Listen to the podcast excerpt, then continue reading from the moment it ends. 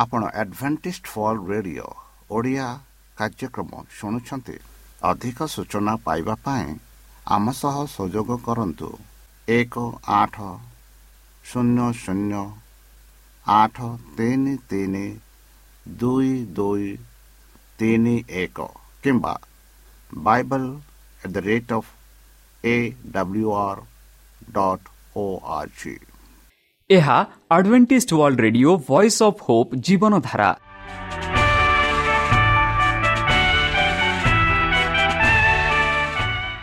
Odia radio କାର୍ଯ୍ୟକ୍ରମ ଯାହା ଆମର ଆନ୍ତର୍ଜାତୀୟ ଆଘାତ କେନ୍ଦ୍ରରୁ ପ୍ରସାରଣ କରାଯାଉଛି ପ୍ରତିଦିନ ରାତି ନଅଟା ତିରିଶ ମିନିଟ୍ରେ।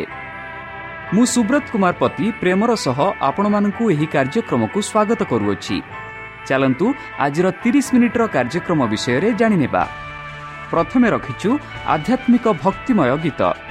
ଏହାପରେ ଶୁଣିବା ସ୍ୱାସ୍ଥ୍ୟ ବିଷୟରେ ଯାହା ଆମର ଦୈନିକ ଜୀବନରେ ଅତ୍ୟନ୍ତ ଜରୁରୀ। ଆଉ ପରିଶେଷରେ ଶୁଣିବା ପରମେଶ୍ୱରଙ୍କ ଭକ୍ତଙ୍କଠାରୁ ଜୀବନଦାୟକ ଈଶ୍ୱରଙ୍କ ବାକ୍ୟ। ପ୍ରିୟ ଶ୍ରୋତା ତାହେଲେ ଚାଲନ୍ତୁ ଶୁଣିବା ଏକ ଆଧ୍ୟାତ୍ମିକ ଭକ୍ତିମୟ ଗୀତ।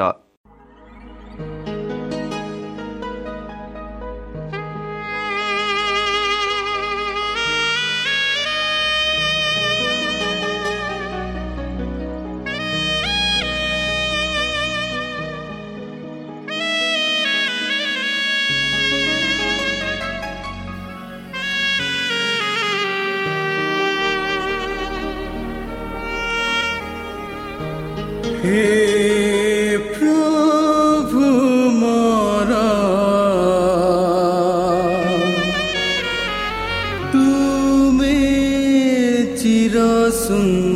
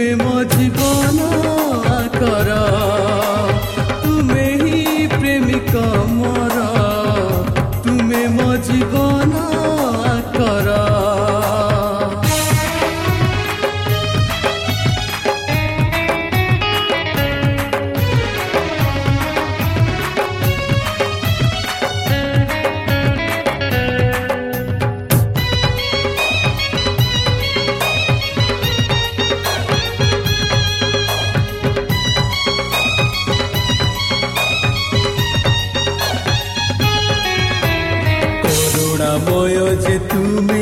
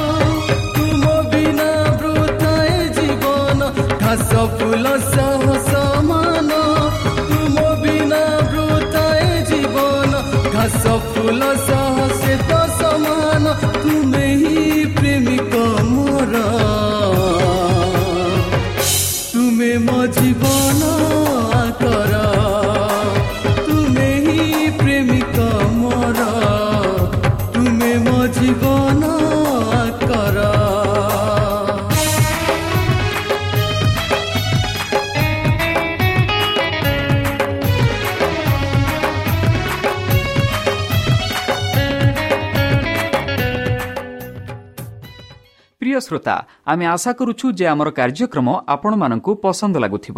ଆପଣଙ୍କର ମତାମତ ଜଣାଇବା ପାଇଁ ଆମର ଏହି ଠିକଣାରେ ଯୋଗାଯୋଗ କରନ୍ତୁ। ଆମ ଠିକଣା Advantage Media Centre SDA mission compound Salisbury Park Pune ଚାରି ଏକ ଏକ ଶୂନ ତିନି ସାତ ମହାରାଷ୍ଟ୍ର।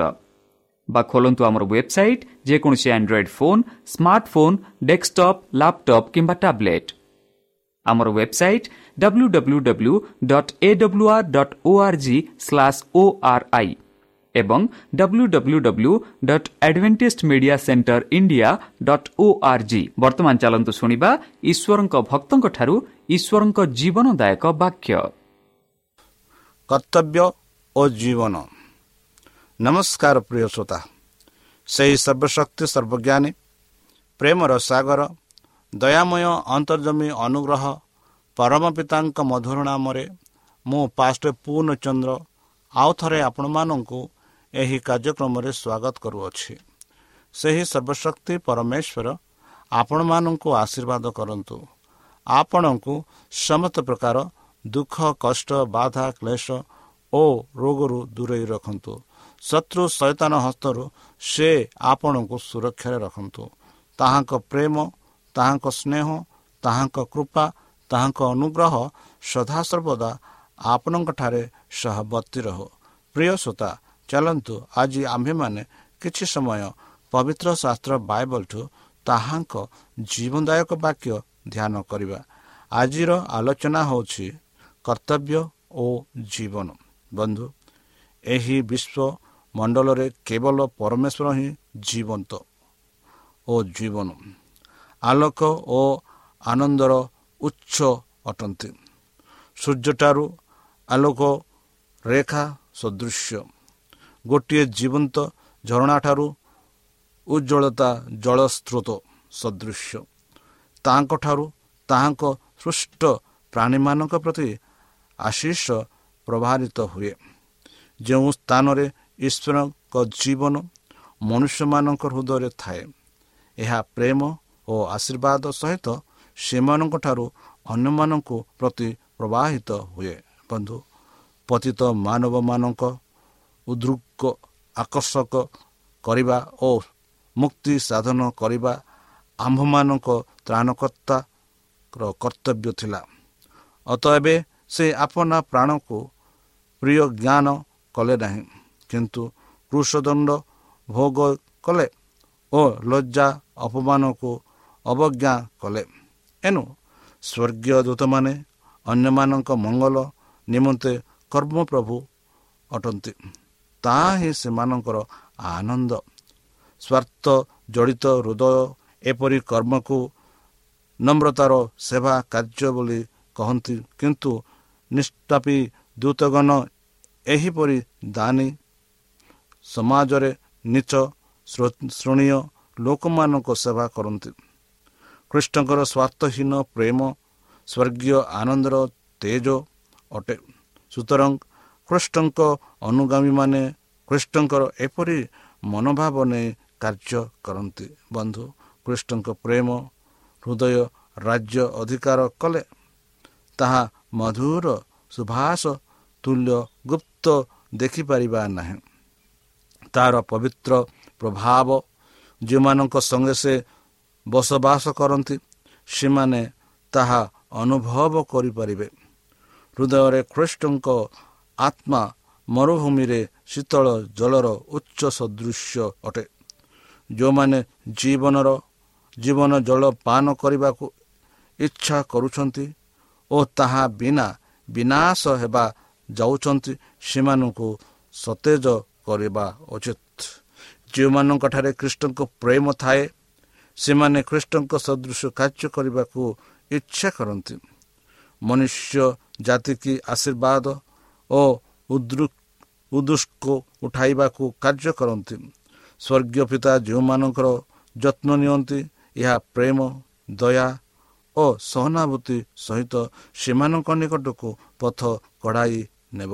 ବନ୍ଧୁ ପରିତ୍ରାଣଙ୍କ ଜୀବନ ଏହି ଜଗତର ସହଜ ନିତ୍ୟ ସୁବିଧା ପାଇଁ ନଥିଲା। କିନ୍ତୁ ପତିତ ମାନବର ମୁକ୍ତି ନିମନ୍ତେ ଦୃଢ଼ ପ୍ରାୟସୀ ହୋଇ ବିଶ୍ୱସ୍ତ ଓ ଅବିଶାନ୍ତ ଭାବେ ଚେଷ୍ଟା କରିଥିଲେ। ଜନ୍ମଠାରୁ ଖାଲବାରି ପର୍ଯ୍ୟନ୍ତ ସେ କଠୋର ସ୍ୱାର୍ଥ ତ୍ୟାଗ କରି ପଦ ବ୍ରଜରେ ଅନ୍ୟମାନଙ୍କୁ ସୁରକ୍ଷା କରିବା ନିମନ୍ତେ କଲା କଲାତିପାତ କରିଥିଲେ। ସେ କହିଲେ ମନୁଷ୍ୟର ମନୁଷ୍ୟ ପୁତ୍ର ମଧ୍ୟ ସେବ ପାଇବାକୁ ସେବା ପାଇବାକୁ ଆସିନାହାନ୍ତି। ମାତ୍ର ସେବା କରିବାକୁ ଓ ଅନେକଙ୍କ ନିମନ୍ତେ ମୁକ୍ତିର ମୂଲ୍ୟ ସ୍ୱରୂପେ ପ୍ରାଣ ଦେବାକୁ ଆସିଅଛନ୍ତି ବୋଲି ଯୀଶୁଖ୍ରୀଷ୍ଟ ମାଥ୍ୟୁ କୋଡ଼ିଏ ଅଠାଇଶରେ କହିଛନ୍ତି। ଏହା ଥିଲା ତାହାଙ୍କ ଜୀବନରେ ଏକ ମହତ୍ଵ ଲକ୍ଷ୍ୟ। ଆଉ ପ୍ରତ୍ୟେକ ବିଷୟ ଦ୍ୱିତୀୟ ଶ୍ରେଣୀର ଅଧିକ ଥିଲା। ଈଶ୍ୱରଙ୍କ ଇଚ୍ଛା ସାଧନ କରିବା ତାହାଙ୍କର ଭୋଜନ ଓ ପାନ ଥିଲା ଓ ତାହାଙ୍କର କାର୍ଯ୍ୟ ସମାପ୍ତ କରିବାକୁ ସେ ସେ ବ୍ୟତୀ ଥିଲେ। ସ୍ୱାର୍ଥ ଏବଂ ସ୍ୱାର୍ଥପରତା ତାହାଙ୍କ କାର୍ଯ୍ୟରେ ଅତି ଦୂରରେ ଥିଲା। ଅତଏବ ଯେଉଁମାନେ କୃଷ୍ଣଙ୍କ ଅନୁଗ୍ରହର ଅଂଶୀ ହୁଅନ୍ତି ସେମାନେ ସର୍ବପ୍ରକାର ସ୍ୱାର୍ଥ ତ୍ୟାଗ କରିବାକୁ ପ୍ରସ୍ତୁତ ଅଟନ୍ତି। ଯେପରି ଅନ୍ୟମାନେ କୃଷ୍ଣଙ୍କ କୃଷ ଓ ପ୍ରେମର ଅଂଶୀଦାର ହେବେ।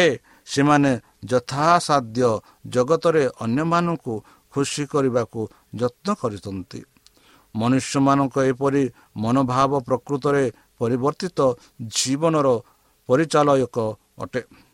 ଜଣେ ବ୍ୟକ୍ତି ଖ୍ରୀଷ୍ଟଙ୍କ ନିକଟକୁ ଆସିଲେ ସେ ଅନ୍ୟମାନଙ୍କୁ ଜଣାଇ ଦେବେ ଯେ ସେ କିପରି ଜଣେ ଅମୂଲ୍ୟ ବନ୍ଧୁକୁ ଲାଭ କରିପାରିଛନ୍ତି। ରକ୍ଷାକାରୀ ଓ ପବିତ୍ର ସତ୍ୟ ତାହା ହୃଦୟରେ ବନ୍ଦ ହୋଇ ରହିପାରେ ନା। ଆମ୍ଭେମାନେ ଯଦି ଖ୍ରୀଷ୍ଟଙ୍କ ଧାର୍ମିକତା ରୂପ ବସ୍ତ୍ର ପରିଧାନ କରୁ ସେହି ଖ୍ରୀଷ୍ଟଙ୍କ ଆତ୍ମାଙ୍କ ଦ୍ୱାରା ହୃଦୟରେ ଆନନ୍ଦ ପାଉ। ତେବେ ଆମ୍ଭେମାନେ ନିରବ ହୋଇ ରହିପାରିବୁ ନାହିଁ। ବନ୍ଧୁ ଆମ୍ଭେମାନେ ଯଦି ଈଶ୍ୱରଙ୍କ ଉତ୍ତମ ବୋଲି ଆସ୍ୱାଦନ କରିଅଛୁ ଓ ଦେଖିଅଛୁ ଆମମାନଙ୍କୁ କିଛି କହିବାକୁ ପଡ଼ିବ। ଫିଲିପ ସଦୃଶ ସେ ଯେତେବେଳେ ତ୍ରାଣକର୍ତ୍ତାଙ୍କୁ ଦେଖିଲେ ସେହିପରି ଆମେମାନେ ମଧ୍ୟ ତାହାଙ୍କୁ ସମ୍ମୁଖକୁ ଆସିବା ପାଇଁ ଅନ୍ୟମାନଙ୍କୁ ନିମନ୍ତ୍ରଣ କରିବୁ। ସେମାନଙ୍କୁ ଖ୍ରୀଷ୍ଟଙ୍କର ଆକର୍ଷଣ କରିବା ସ୍ୱଭାବକୁ ଦେଖାଇବ। ସେ ଅଦୃଶ୍ୟ ମହାନ ଶକ୍ତିର ବାସ୍ତବତା ଅଟନ୍ତି। ଯୀଶୁଙ୍କ ପଥରେ ଚାଲିବାକୁ ଏକ ଆନ୍ତରିକ ଆନ୍ତରିକ ଇଚ୍ଛା ସେମାନଙ୍କଠାରେ ସୃଷ୍ଟି ହୁଏ। ଯେଉଁମାନେ ଆମମାନଙ୍କ ଚତୁର୍ଥ ଦିଗରେ ଅଛନ୍ତି ସେମାନେ ଯେପରି ଦେଖିପାରନ୍ତି ଏହି ଦେଖ ଈଶ୍ୱରଙ୍କ ମେଷ ଶାବକ ଯେ ଜଗତର ପାପ ଭାର ବହି ନେଇ ଯାଆନ୍ତି ଏହିପରି ଜହନ ଘୋଷଣା କରିଥିଲେ ଜହନ ଏକ ଅଣତିରିଶରେ। ବନ୍ଧୁ ଅନ୍ୟମାନଙ୍କ ଆଶୀର୍ବାଦ ପ୍ରାପ୍ତି ନିମନ୍ତେ କାର୍ଯ୍ୟ କଲେ ପ୍ରତିକ୍ରିୟାରେ ଆମ୍ଭେମାନେ ଆଶୀର୍ବାଦ ପ୍ରାପ୍ତ ହେବା। ପରିତ୍ରାଣ ଯୋଜନା କାର୍ଯ୍ୟର କିଛି ଅଂଶ ଆମମାନଙ୍କୁ ଦେବା ଈଶ୍ୱରଙ୍କ ଯୋଜନା ଥିଲା। ସ୍ୱର୍ଗୀୟ ପ୍ରକୃତିର ଅଂଶଦାର ହେବା ନିମନ୍ତେ ସେ ମନୁଷ୍ୟମାନଙ୍କୁ ସୁଯୋଗ ଦାନ କରିଅଛନ୍ତି। ଫଳରେ ସେ ତାହାଙ୍କ ଆଶୀର୍ବାଦ ସହ ମାନବଙ୍କ ମଧ୍ୟରେ ବିହନ କରେ। ଏହା ସର୍ବୋକୃଷ୍ଟ ସମ୍ମାନ ମହା ଆନନ୍ଦ ଯାହା ଈଶ୍ୱର ମନୁଷ୍ୟମାନଙ୍କୁ ଦାନ କରନ୍ତି। ସୁତରାଂ ଯେଉଁମାନେ ଏହି ପ୍ରେମ କାର୍ଯ୍ୟରେ ଭାଗ ନିଅନ୍ତି ବନ୍ଧୁ ସେମାନେ ସୃଷ୍ଟିକର୍ତ୍ତାଙ୍କର ନିକଟତର ହୋଇଥାନ୍ତି। ଏହି ସୁସମାଚାର ଘୋଷଣା କରିବା କାର୍ଯ୍ୟ ଓ ସକଳ ପ୍ରେମର ସେବା କାର୍ଯ୍ୟ ସ୍ୱର୍ଗୀୟ ଦୂତମାନଙ୍କ ହସ୍ତରେ ଈଶ୍ୱର ସମର୍ପଣ କରିପାରିଥାନ୍ତେ। ସେ ମଧ୍ୟ ଏହି କାର୍ଯ୍ୟ ସମାପ୍ତ କରିବା ନିମନ୍ତେ ଅନ୍ୟ ଉପାୟ ଅବଲମ୍ବ କରିପାରି ନ ପାରିଥାନ୍ତେ କିନ୍ତୁ ତାହାଙ୍କ ଅସୀମ ପ୍ରେମ ଯୋଗୁଁ ସେ ଆମମାନଙ୍କୁ ସହକର୍ମୀ ଭାବରେ ମନୋନୀତ କରିଅଛନ୍ତି। ତାହାଙ୍କ ସଙ୍ଗେ ଖ୍ରୀଷ୍ଟଙ୍କ ସହିତ ଓ ଦୂତମାନଙ୍କ ସହିତ ଆମେମାନେ ଯେପରି ତତ୍ସମ୍ବନ୍ଧୀୟ କଲ୍ୟାଣ ଆନନ୍ଦ ଆତ୍ମିକ ପ୍ରେରଣା ନିଷ୍ପାର୍ଥର ସେବାକୁ ପ୍ରାପ୍ତ ହୋଇପାରୁ ଖ୍ରୀଷ୍ଟଙ୍କ ଦୁଃଖ ଭୋଗ ହେତୁ ଆମେମାନେ ଖ୍ରୀଷ୍ଟଙ୍କ ସମବେଦନାର ସହଭାଗିତା ପ୍ରାପ୍ତ ହୋଇଅଛୁ। ଅନ୍ୟମାନଙ୍କ ନିମନ୍ତେ ପ୍ରତ୍ୟେକ ସ୍ୱାର୍ଥପର କାର୍ଯ୍ୟ ଦାତାର ହୃଦୟରେ ପ୍ରାଧାନ୍ୟ ଭାବ ବୃଦ୍ଧି କରେ ଓ ଜଗତର ପ୍ରାଣ କର୍ତ୍ତା ନିକଟରେ କରେ। କାରଣ ତୁମେମାନେ ଯେପରି ତାହାଙ୍କ ଦରିଦ୍ରତା ଦ୍ୱାରା ଧନବାନ ହୁଅ ଏଥିପାଇଁ ସେ ଧନୀ ହେଲେ ହେଁ କିପରି ତୁମମାନଙ୍କ ନିମନ୍ତେ ଦରିଦ୍ର ହେଲେ? ଏହିପରି ଦ୍ୱିତୀୟ କରନ୍ତି ଆଠ ନରେ ଆମେ ପାଉଛୁ। ବନ୍ଧୁ ଏହିପରି ଭାବ ଆମମାନଙ୍କ ସୃଷ୍ଟିରେ କେବଳ ସ୍ୱର୍ଗୀୟ ଉଦ୍ଦେଶ୍ୟ ପୂର୍ଣ୍ଣ କରିବା ସେହିପରି ଜୀବନ ଆମମାନଙ୍କ ନିମନ୍ତେ ଆଶୀର୍ବାଦ ହୋଇପାରେ। ଖ୍ରୀଷ୍ଟଙ୍କ ନମୁନା ପ୍ରକାରେ ଯେବେ ତୁମମାନେ କାର୍ଯ୍ୟ କରିବାକୁ ଜନବାନ ହୁଅ ଓ ତାହାଙ୍କ ଶିଷ୍ୟମାନଙ୍କ ସଦୃଶ୍ୟ ଖ୍ରୀଷ୍ଟଙ୍କ ନିମନ୍ତେ ଆତ୍ମା ଲାଭ କର ତେବେ ତୁମ୍ଭେ ଏହି ଈଶ୍ୱରୀୟ କର୍ତ୍ତବ୍ୟରେ ଗଭୀର ଅନୁଭବ ଓ ଉଚ୍ଚତର ଜ୍ଞାନ ପ୍ରାପ୍ତ ହେବ ଏବଂ ଧାର୍ମିକତା ନିମନ୍ତେ କ୍ଷୁଦିତ ଓ ଦୂଷିତ ହେବ। ତୁମ୍ଭେ ଈଶ୍ୱରଙ୍କ ସହିତ କର୍ତ୍ତବ୍ୟ କରିବ ତୁମର ବିଶ୍ୱାସ ସଫଳ ହେବ ଓ ତୁମର ପ୍ରାଣ ପ୍ରାଣକୁ ପଠାରୁ ଗଭୀର ଅନୁଭୂତ ଲାଭ କରିବ। ତତ୍ପରେ ବିରୋଧତ୍ୱ ଓ ତାଡ଼ନା ଗୁଡ଼ିକ ତୁମକୁ ବାଇବଲ ଓ ପ୍ରାର୍ଥନା ଆଡ଼କୁ ଆକର୍ଷଣ କରିବ। ତୁମ୍ଭେ ଖ୍ରୀଷ୍ଟଙ୍କ ଅନୁଗ୍ରହରେ ବୃଦ୍ଧି ପ୍ରାପ୍ତ ହେବ ଓ ସବୁ ସୃଷ୍ଟି ଅନୁଭୂତି ଲାଭ କରିବ। ବନ୍ଧୁ ଅନ୍ୟମାନଙ୍କ ନିମନ୍ତେ ନିଃସ୍ୱାପରତ ଭାବରେ କାର୍ଯ୍ୟ କରିବା ଗଭୀରତା ସ୍ଥିରତା ଓ ଚରିତ୍ରରେ କୃଷ୍ଣଙ୍କ ସଦୃଶ ସୌନ୍ଦର୍ଯ୍ୟତା ଦାନରେ ଶାନ୍ତି ଓ ସୁଖ ବ୍ୟକ୍ତିଙ୍କ ଜୀବନରେ ଆଣିଦିଏ ଉଚ୍ଚାକାଂକ୍ଷ ଗୁଡ଼ିକ ଉଚ୍ଚୀକୃତ ହୁଅନ୍ତି ଆଲସତ୍ୟ ଓ ସ୍ୱାର୍ଥପରତାର ସ୍ଥାନ ନଥାଏ ଯେଉଁମାନେ ଏହି ଖ୍ରୀଷ୍ଟୀୟ ବହୁ ହୁନୁଗ୍ରହ ଅନୁଗ୍ରହ ଗୁଡ଼ିକ ଏପରି ଭାବେ ବ୍ୟବହାର କରନ୍ତି ସେମାନେ ବୃଦ୍ଧିପ୍ରାପ୍ତ ହେବେ ଓ ଈଶ୍ୱରଙ୍କ ନିମନ୍ତେ କାର୍ଯ୍ୟ କରିବା ପାଇଁ ବଳିଷ୍ଠ ହେବେ ସେମାନେ ନିର୍ମଳ ଆତ୍ମିକ ଅନୁଭୂତି ବୃଦ୍ଧିପ୍ରାପ୍ତ ବିଶ୍ୱାସ ପାଇପାରିବେ ଓ ପ୍ରାର୍ଥନାଶୀଳ ଜୀବନରେ ବୃଦ୍ଧି ପାଇବେ। ସେମାନଙ୍କଠାରେ ଈଶ୍ୱରଙ୍କ ଆତ୍ମାର ପ୍ରଭାବ ପଡ଼ିବ ଓ ଆତ୍ମା ଈଶ୍ୱରଙ୍କ ସ୍ୱାଧୀନତ୍ୟ ଲାଭ କରିବ। ଯେମାନେ ଅନ୍ୟମାନଙ୍କର ନିମନ୍ତେ ନିଃସ୍ୱାର୍ଥ ପାର୍ଥ କାର୍ଯ୍ୟରେ ମନୋନୀତ ମନୋନିବେଶ କରିବେ ନିଶ୍ଚୟରେ ସେମାନେ ନିଜ ପରିତ୍ରାଣ ନିମନ୍ତେ କାର୍ଯ୍ୟ କରୁଅଛନ୍ତି। ବନ୍ଧୁ ଅନୁଗ୍ରହରେ ବୃଦ୍ଧି ପାଇବା ଏକ ମାତ୍ର ପଥ ହେଲା ଖ୍ରୀଷ୍ଟ ଯେଉଁ କାର୍ଯ୍ୟ ବିନା ପକ୍ଷପାତରେ କରିବାକୁ ଆମମାନଙ୍କ କହିଛନ୍ତି ସେହିପରି କାର୍ଯ୍ୟ କରିବା। ଆମମାନଙ୍କ ଶକ୍ତି ଓ ସାଧ୍ୟ ଅନୁସାରେ ଅନ୍ୟମାନଙ୍କ ମଙ୍ଗଳ ଓ ସାହାଯ୍ୟ କରିବା। ବ୍ୟାୟାମ କରିବା ଦ୍ୱାରା ଶକ୍ତି ଆସେ। କାର୍ଯ୍ୟ ତତ୍ଵ ଦ୍ୱାରା ଜୀବନର ସ୍ୱାସ୍ଥ୍ୟତା ଅନୁଗ୍ରହରୁ ପ୍ରାପ୍ତ ଖ୍ରୀଷ୍ଟୀୟ ଆଶୀର୍ବାଦ ଜୀବନରେ ଲାଭ କରି ଖ୍ରୀଷ୍ଟଙ୍କ ନିମନ୍ତେ କାର୍ଯ୍ୟ ନ କଲେ ସେମାନେ ଜୀବନରେ ଭୋଜନ ପାନ କରିପାରିବେ ନାହିଁ। ଆତ୍ମିକ ଓ ପ୍ରାକୃତିକ ଜଗତରେ ଏହାର ଫଳ ସର୍ବଦା ଅବନତି ଓ କ୍ଷତିକାରକ ଅଟେ।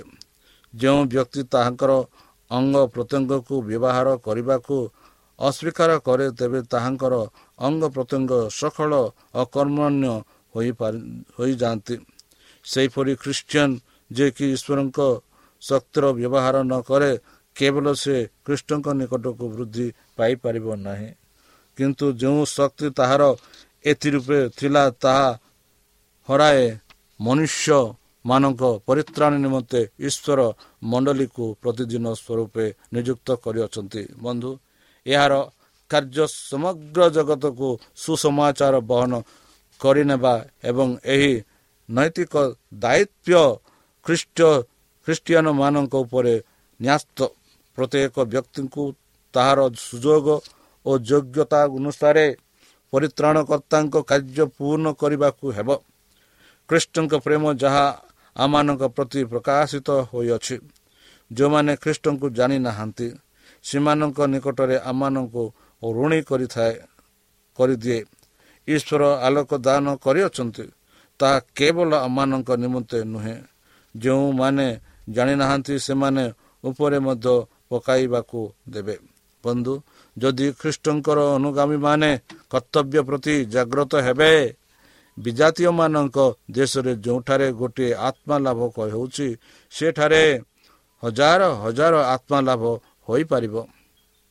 ସମସ୍ତେ ଏହିପରି କାର୍ଯ୍ୟ କାର୍ଯ୍ୟ କରି ନ ପାରନ୍ତି କିନ୍ତୁ ସେମାନେ ସେମାନଙ୍କର ଅର୍ଥ ସହାନୁଭୂତି ଓ ପ୍ରାର୍ଥନା ସହିତ ଏହି କାର୍ଯ୍ୟ କରିପାରିବେ। ଖ୍ରୀଷ୍ଟିଆନ ସେମାନଙ୍କର ଖ୍ରୀଷ୍ଟଙ୍କ ନିମନ୍ତେ ଆତ୍ମା ଲାଭ କରିବା ନିମନ୍ତେ ଆଉ ଏକ ଅନେକ ଉପାୟ ମାନ ରହିଅଛି। ବନ୍ଧୁ ଆମମାନଙ୍କୁ ଖ୍ରୀଷ୍ଟୀୟ ଦେଶକୁ ଯିବାକୁ ପଡ଼ିବ ନାହିଁ କିମ୍ବା ଗୃହର ସଂକୀର୍ଣ୍ଣ ପରିବେଶ ତ୍ୟାଗ କରିବା ଉଚିତ ନୁହେଁ। ଏପରି ସ୍ଥଳରେ କର୍ତ୍ତବ୍ୟ ପ୍ରଣୟ ହେବା କୃଷ୍ଣଙ୍କ ନିମନ୍ତେ କାର୍ଯ୍ୟ କରି ରହିଛି। ଆମେମାନେ ଗୃହ ବେଷ୍ଟନୀ ମଣ୍ଡଳୀରେ ଯେଉଁମାନଙ୍କ ସହିତ ଆମେମାନେ ବ୍ୟବସ୍ଥା କରୁ ସେମାନେ ମଧ୍ୟ କାର୍ଯ୍ୟ କରିପାରିବ। ଆମମାନଙ୍କ ତ୍ରାଣକର୍ତ୍ତାଙ୍କ ଅଧିକାଂଶ ସମୟ ଏହି ପୃଥିବୀର ସହିଷ୍ଣୁତାର ସହିତ ବଢ଼େଇ ସାଲରେ ଅତିବାହିତ ହୋଇଥିଲେ। ସେବାକାରୀ ତୃଣଗଣ ପ୍ରଭୁଙ୍କର ଏପରି କର୍ମ କ୍ଷେତ୍ରରେ ତାହାଙ୍କ ସଙ୍ଗେ ସଙ୍ଗେ ଥିଲେ। ସେ ବିଶ୍ୱସ୍ତ ଭାବରେ ତାହାଙ୍କର ଅବତୀର୍ଣ୍ଣ ହେବାର ଅଭିପ୍ରାୟ ଧାରଣା କର୍ମକ୍ଷେତ୍ରରେ ଦର୍ଶାଇଥିଲେ। ଏପରି ଭାବେ ସେ ରୋଗୀମାନଙ୍କୁ ସୁସ୍ଥ କଲେ ଓ ଗାଲିଲି ସମୁଦ୍ରରେ ସମୁଦ୍ରରେ ଝଡ଼ ତୋପାନିଆ ପାଗରେ ଗଣନା ଗମନ କରିଥିଲେ। ସୁତରାଂ ଆମେମାନେ ଜୀବନର ଅତି ଛୋଟ କାମରେ ମଧ୍ୟ ଯୀଶୁଙ୍କ ସଙ୍ଗେ କାର୍ଯ୍ୟ କରିପାରୁ। ବନ୍ଧୁ ପ୍ରେରିତ ପାଉଲ କହନ୍ତି ହେ ଭାଇମାନେ ପ୍ରତ୍ୟେକ ଜନ ଯେ ଅବସ୍ଥାର ଆହୁତ ହୋଇଅଛ ସେ ଖ୍ରୀଷ୍ଟଙ୍କର ସହଭାଗିତାର ସେହି ଅବସ୍ଥାରେ ଥାଉ। ପ୍ରଥମ କରନ୍ତି ସାତ ଚବିଶ। ବନ୍ଧୁ କୌଣସି ବ୍ୟବସାୟୀ ତାହାଙ୍କ ବ୍ୟବସାୟୀ କ୍ଷେତ୍ରରେ ପ୍ରଭୁଙ୍କର ମହିମା ନିମନ୍ତେ ବିଶ୍ୱସ୍ତ ଭାବରେ କାର୍ଯ୍ୟ କରିପାରିବ। ଯୀଶୁଙ୍କର ଜଣେ ପ୍ରକୃତ ଅନୁଗାମୀ ଅନୁଗାନ ଗମନକାରୀ ସେ ତାହାର ଧର୍ମ ସବୁ କ୍ଷେତ୍ରରେ ବ୍ୟବହାର କରିଥାଏ ଓ ଖ୍ରୀଷ୍ଟଙ୍କ ଚରିତ୍ର ଦର୍ଶାଇଥାଏ। କଳାକାର ଖାନାରେ କାରିଗର ଯତ୍ନପାତିର ବ୍ୟବହାର ଯୀଶୁଙ୍କ ନିମନ୍ତେ ବଡ଼ ବିଶ୍ୱସ୍ତ ଭାବେ କରିବ। ଯେଉଁମାନେ ଆପଣାମାନଙ୍କୁ ଖ୍ରୀଷ୍ଟଙ୍କର ବୋଲି କହନ୍ତି ସେମାନେ ସମସ୍ତ କ୍ଷେତ୍ରରେ ଉତ୍ତମ କର୍ମ କରି ସୃଷ୍ଟିକର୍ତ୍ତାଙ୍କ ତ୍ରାଣକର୍ତ୍ତାଙ୍କର ମହିମା ପ୍ରକାଶ କରିପାରିବେ। କୃଷ୍ଣଙ୍କୁ ସେବା କରିବା କ୍ଷେତ୍ରରେ ଅନେକ ବାହାନା କରିଥାନ୍ତି।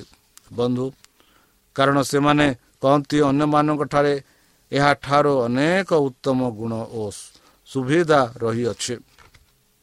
ସେମାନେ କରିପାରିବେ କିନ୍ତୁ ତାହା ଠିକ୍ ନୁହେଁ ବନ୍ଧୁ।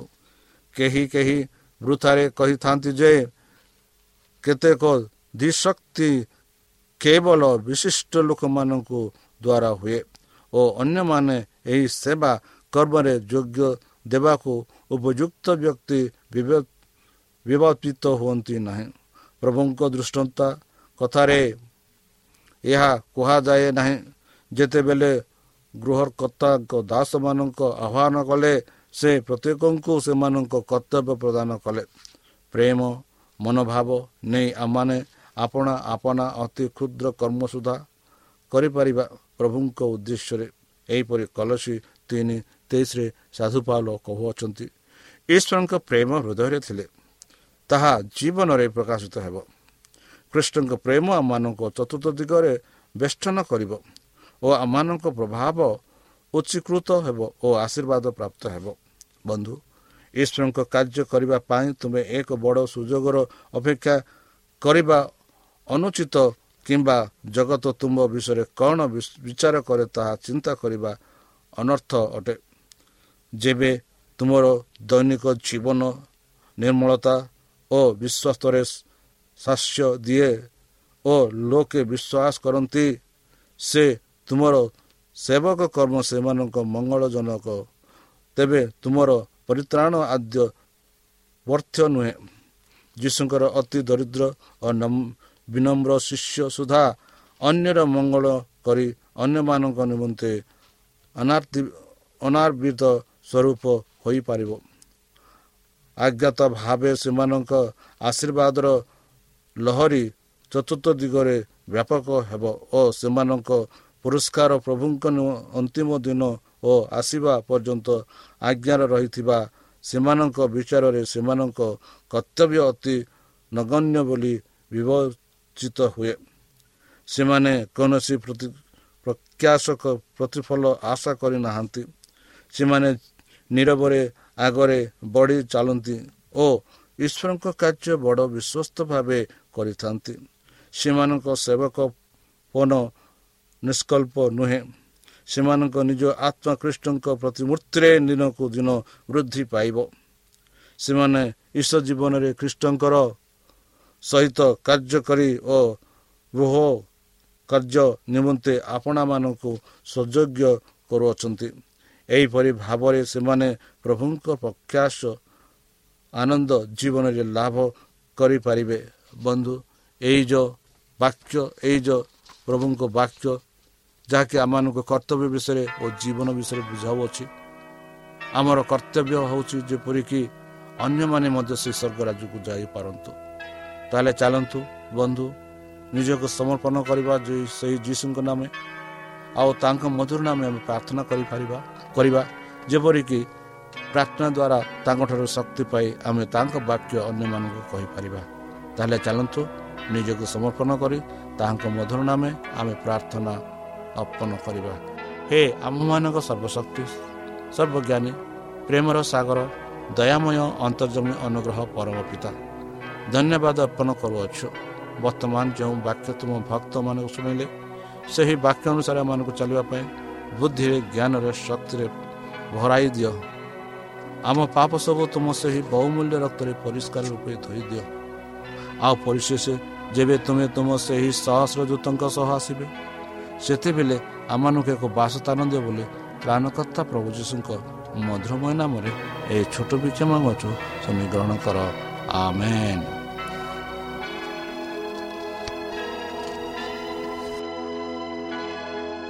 ପ୍ରିୟ ଶ୍ରୋତା ଆମେ ଆଶା କରୁଛୁ ଯେ ଆମର କାର୍ଯ୍ୟକ୍ରମ ଆପଣମାନଙ୍କୁ ପସନ୍ଦ ଲାଗୁଥିବ। ଆପଣଙ୍କର ମତାମତ ଜଣାଇବା ପାଇଁ ଆମର ଏହି ଠିକଣାରେ ଯୋଗାଯୋଗ କରନ୍ତୁ। ଆମ ଠିକଣା Advantage Media Centre SDA mission compound Salisbury Park Pune ଚାରି ଏକ ଏକ ଶୂନ ତିନି ସାତ ମହାରାଷ୍ଟ୍ର ବା ଖୋଲନ୍ତୁ ଆମର ୱେବସାଇଟ୍ ଯେକୌଣସି Android phone smartphone desktop laptop କିମ୍ବା ଟ୍ୟାବ୍ଲେଟ୍ ଆମର website W W W dot A W R dot O R G slash O R I ଏବଂ W W W dot Advantage Media Centre India dot O R G Advantage Media Centre ଇଣ୍ଡିଆର spelling ହେଉଛି A D V E N T I S T M E D I A C E N T R E I N D I A ଅଥବା download କରନ୍ତୁ ଆମର mobile app ଆପଣଙ୍କର mobile play ଷ୍ଟୋର୍କୁ ଯାଆନ୍ତୁ ଆଉ type କରନ୍ତୁ the voice of hope ଆଉ download କରନ୍ତୁ। ଈଶ୍ୱର ଆପଣଙ୍କୁ ଆଶୀର୍ବାଦ କରନ୍ତୁ। ଧନ୍ୟବାଦ।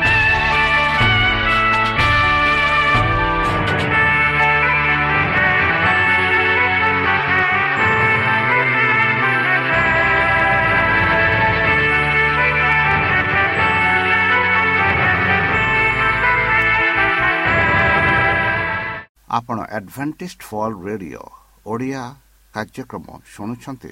ଅଧିକ ସୂଚନା ପାଇବା ପାଇଁ ଆମ ସହ ସଂଯୋଗ କରନ୍ତୁ। ଏକ ଆଠ ଶୂନ୍ୟ ଶୂନ୍ୟ ଆଠ ତିନି ତିନି ଦୁଇ ଦୁଇ ତିନି ଏକ କିମ୍ବା Bible at the rate of A W R dot O R G